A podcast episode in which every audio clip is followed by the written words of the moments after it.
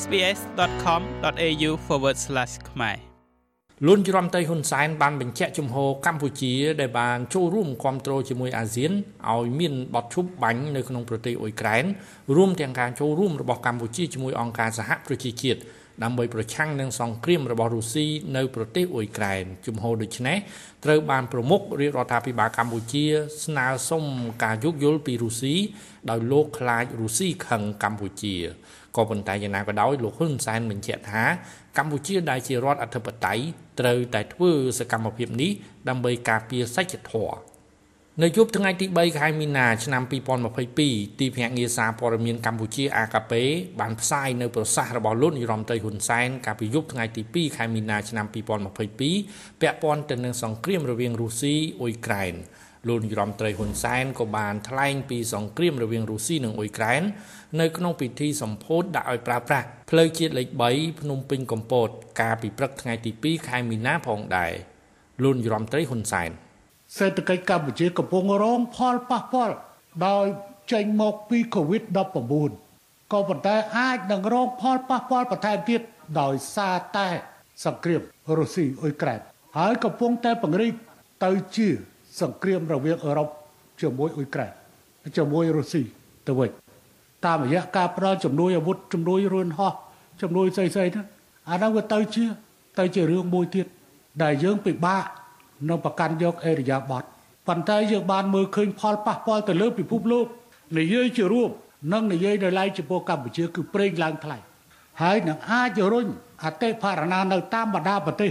ឲ្យកើនខ្ពស់ដោយសារតម្លៃប្រេងខ្ញុំនៅតែរក្សាទស្សនៈទៀនគឺมันអាចយកសង្គ្រាមបញ្ចប់សង្គ្រាមបានទេគោលជំហររបស់យើងតាំងពីដើមរហូតដល់ចប់គឺមិនគ្រប់គ្រងការប្រើប្រាស់កម្លាំង ឬការគម្រាមកំហែងប្រើប្រាស់កម្លាំងពីភាគីមួយ ប្រឆាំងនឹងភាគីមួយទៀតនេះជាគោលជំហរផ្លូវការរបស់យើងកម្ពុជាមិនលើកទឹកចិត្តឲ្យមានការបំបែករដ្ឋទេករណីដូចជាកូសូវូកម្ពុជាអត់ទទួលស្គាល់ទេអត់ទទួលស្គាល់កូសូវូទេការបំបែកការលើកទឹកចិត្តណាមួយក្នុងការបំបែករដ្ឋគឺកម្ពុជាអត់ចូលរួមទេ ជាមួយគ្នានោះលោកនាយរដ្ឋមន្ត្រីហ៊ុនសែនបានលើកឡើងកាលពីថ្ងៃទី2ខែមីនាថាដោយសារតែសភាពការនៅអ៊ុយក្រែនកាន់តែធ្ងន់ធ្ងរការស្លាប់ជនស៊ីវិលកាន់តែច្រើនហើយមហាសន្និបាតអង្គការសហប្រជាជាតិកំពុងតែដំណើរការដូច្នេះលោកនាយរដ្ឋមន្ត្រីគិតថាកម្ពុជា មានការចាំបាច់ដើម្បីបញ្ចេញនៅសកម្មភាព ក្នុងក្របខ័ណ្ឌអាស៊ានផង ក្នុងក្របខ័ណ្ឌជាកម្ពុជាខ្លួនឯងផង លោកហ៊ុនសែនបន្តថាក្នុងក្របខ័ណ្ឌអាស៊ាន គឺយើងកំពុងតែពិភាក្សាជាមួយសមាជិកអាស៊ានដទៃទៀតដើម្បីនឹងចេញសេចក្តីថ្លែងការណ៍អំពីវិនិយោគឲ្យមានការឈប់បាញ់ព្រោះបើមិនមានការឈប់បាញ់ទេជីវិតមនុស្សទ្រព្យសម្បត្តិ នឹងត្រូវបន្តស្លាប់និងបំផ្លិចបំផ្លាញហើយធ្វើឲ្យការចរចានោះมันអាចឈានទៅមុខបានដូច្នេះយើងត្រូវតែសម្រេចដើម្បីនឹងធ្វើការអំពាវនាវឲ្យមានបទជប់បាញ់មួយ ដែលនេះជាការចង់បានសម្រាប់ការចរចាមួយក្នុងការរកដំណោះស្រាយក្នុងនាមអាស៊ានលោកហ៊ុនសែនបន្តថាក្នុងនាមកម្ពុជាប្រទេសជាច្រើននៅក្នុងពិភពលោក កំពុងតែថ្កោលទោសទៅលើការធ្វើសង្គ្រាមពីសំណាក់រុស្ស៊ីទៅកាន់អ៊ុយក្រែនសម្រាប់កម្ពុជាយើងក៏ត្រូវគិតអំពីគោលជំហររបស់យើងឲ្យបានច្បាស់ដោយមានការស្នើសុំពីជប៉ុន បារាំងអាល្លឺម៉ង់និងរបស់សហរដ្ឋអាមេរិកហើយដោយយល់ឃើញថាវាមានការចាំបាច់យើងសម្រេចធ្វើ co-sponsor ជាមួយនឹងប្រទេសដទៃទៀតដើម្បីចូលរួមនៅក្នុងមហាសន្និបាតអង្គការសហប្រជាជាតិដែលនេះជាជំហរដោយឡែករបស់កម្ពុជា លោកហ៊ុនសែនបន្ថែមថា សង្ឃឹមថាមិត្តរុស្ស៊ីរបស់យើងនឹងយល់ព្រោះអ្វីដែលបានធ្វើក្នុងរយៈពេលកន្លងទៅ គឺកម្ពុជាយើងផ្ទុយនឹងគោលការណ៍របស់កម្ពុជាយើងលើនយោបាយការបរទេសក្នុងនោះគឺយើងមិនគ្រប់គ្រងឲ្យមានការបំបែករដ្ឋនេះជាចំណុចទី1ឯចំណុចទី2គឺយើងមិនគ្រប់គ្រងទៅលើការប្រើប្រាស់កម្លាំងនិងការត្រៀមដើម្បីប្រើប្រាស់កម្លាំងឬគម្រាមកំហែងនៅការប្រើប្រាស់កម្លាំងដូច្នេះ ពិតណាស់ថារុស្ស៊ីនឹងមានការខឹងសម្បាចំពោះយើងក៏ប៉ុន្តែយើងជារដ្ឋអធិបតេយ្យយើងមានសិទ្ធិនឹងធ្វើសកម្មភាពដើម្បីការពារសច្ចធម៌ហើយយើងក៏ត្រូវមានការទទួលខុសត្រូវក្នុងឋានៈជាសមាជិកអង្គការសហប្រជាជាតិផងដែរសូមលើកថាការពីល្ងាចថ្ងៃទី3ខែមីនាឆ្នាំ2022រដ្ឋមន្ត្រីការបរទេសអាស៊ានដែលមានកម្ពុជាជាប្រធាននៅឆ្នាំ2022នេះបានចេញសេចក្តីថ្លែងការណ៍ដោយបង្ហាញការព្រួយបារម្ភយ៉ាងខ្លាំង ចំពោះស្ថានភាពដែលកាន់តែធ្ងន់ធ្ងរនិងស្ថានភាពមនុស្សធម៌ដែលធ្លាក់ចុះកាន់តែដុនដាបដែលបណ្ដាមកពីអរិភាពយោធា ដែលកំពុងតែបន្តនៅក្នុងប្រទេសអ៊ុយក្រែនដូច្នេះហើយក្នុងសេចក្តីថ្លែងការណ៍ជាភាសាខ្មែរនិងអង់គ្លេសរដ្ឋមន្ត្រីការបរទេសអាស៊ាន បានប្រកាសថាយើងសូមអំពាវនាវឲ្យមានបទឈប់បាញ់ជាបន្ទាន់ឬកិច្ចព្រមព្រៀងឈប់បាញ់ និងការបន្តការសន្ទនានយោបាយដែលនឹងនាំទៅរកសន្តិភាពប្រកបដោយចីរភាពនៅអ៊ុយក្រែនយើងគូបញ្ជាក់ពីសារៈសំខាន់នៃបទឈប់បាញ់ដើម្បីបង្កើតបរិយាកាសអំណោយផលសម្រាប់ការចរចាដើម្បីដោះស្រាយវិបត្តិបច្ចុប្បន្ននិងជៀសវាងការឈឺចាប់របស់ប្រជាជនស្លូតត្រង់ដែលកាន់តែកើនឡើង សេចក្តីថ្លែងការណ៍របស់រដ្ឋមន្ត្រីការបរទេសអាស៊ានលើកឡើងថាដោយរំលឹកឡើងវិញនៅសេចក្តីថ្លែងការណ៍ថ្ងៃទី26ខែកុម្ភៈឆ្នាំ2022យើងសូមបញ្ជាក់នៅការជឿជាក់របស់យើងថានៅតែមានឱកាសនៃការសន្ទនាដោយសន្តិវិធីដើម្បីគ្រប់គ្រងបាននៅស្ថានភាពនិងបញ្ឈប់ការកើនឡើងនៃការបាត់បង់ជីវិត និងរបួសជនស៊ីវិលនិងយោធា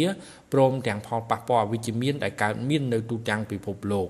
ក្នុងន័យនេះអាស៊ានបានត្រៀមខ្លួនរួចជាស្រេចក្នុងការសម្របសម្រួលកិច្ចសន្ទនាដោយសន្តិវិធីក្នុងចំណោមភាគីពាក់ព័ន្ធតាមគ្រប់មធ្យោបាយដែលអាចធ្វើទៅបាន។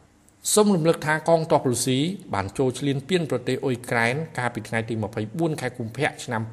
2022នៅថ្ងៃទី28ខែកុម្ភៈឆ្នាំ2022 តំណាងរុស្ស៊ីនិងអ៊ុយក្រែនបានជួបចរចាគ្នានៅប្រទេសបេឡារុសដែលជាប់ព្រំដែនប្រទេសរុស្ស៊ីនិងអ៊ុយក្រែនតែលទ្ធផលនៃកិច្ចចរចាលើកទី1នោះมันបានឈានទៅដល់បទឈប់បាញ់នោះទេ នៅថ្ងៃទី3ខែមីនាម្សិលមិញរុស្ស៊ីនិងអ៊ុយក្រែនក៏បានជួបចរចាជាលើកទី2នៅប្រទេសបេឡារុសខណៈដែលការប្រយុទ្ធគ្នារវាងទាហានរុស្ស៊ីនិងអ៊ុយក្រែនក៏បានបន្តកើតឡើងនៅក្នុងប្រទេសអ៊ុយក្រែន ហើយទាហានរុស្ស៊ីក៏បានវាយដណ្ដើមកាន់កាប់ទីក្រុងកំពង់ផែសំខាន់របស់អ៊ុយក្រែនផងដែររុស្ស៊ីចូលឈ្លានពានអ៊ុយក្រែនក្នុងរយៈពេលប្រមាណថ្ងៃមុននេះបាននាំឲ្យមានមនុស្សស្លាប់និងរបួសរាប់រយនាក់ក្នុងនោះក៏មានជនភៀសសឹកអ៊ុយក្រែនកើនឡើងដល់ជាង1លាននាក់ផងដែរស្ដាប់ SBS ខ្មែរតាមវិទ្យុតាមប្រព័ន្ធអនឡាញនិងតាមទូរស័ព្ទដៃចំណែកសេចក្តីរាយការណ៍មួយទៀតនិយម2 កម្ពុជាបង្កើនកិច្ចការពារស្ថានទូតបរទេសនៅកម្ពុជាក្នុងពេលដែលរុស្ស៊ីចូលឈ្លានពានប្រទេសអ៊ុយក្រែន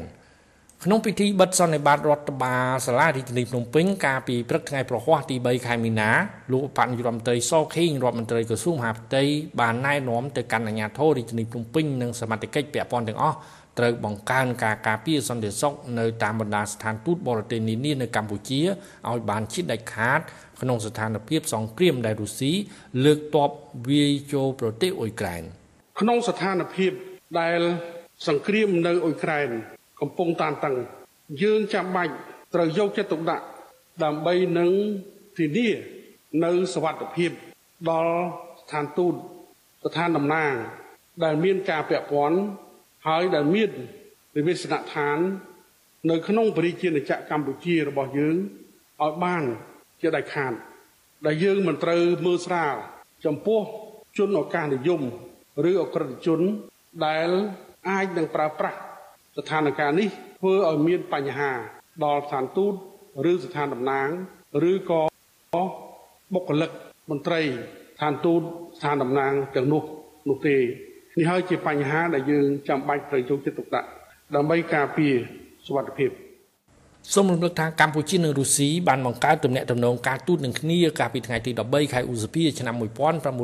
1956ដោយសម្ដេចព្រះនរោត្តមសីហនុនិងលោកនីគីតា Khrushchev ដែលជាអគ្គលេខាធិការបកកុម្មុយនីសសូវៀត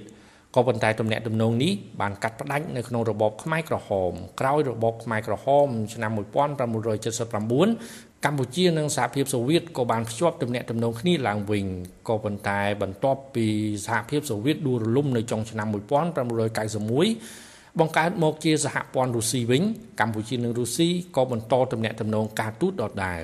នៅក្នុងទសវត្សរ៍ឆ្នាំ80កម្ពុជាបានជំពាក់បំណុលរុស្ស៊ី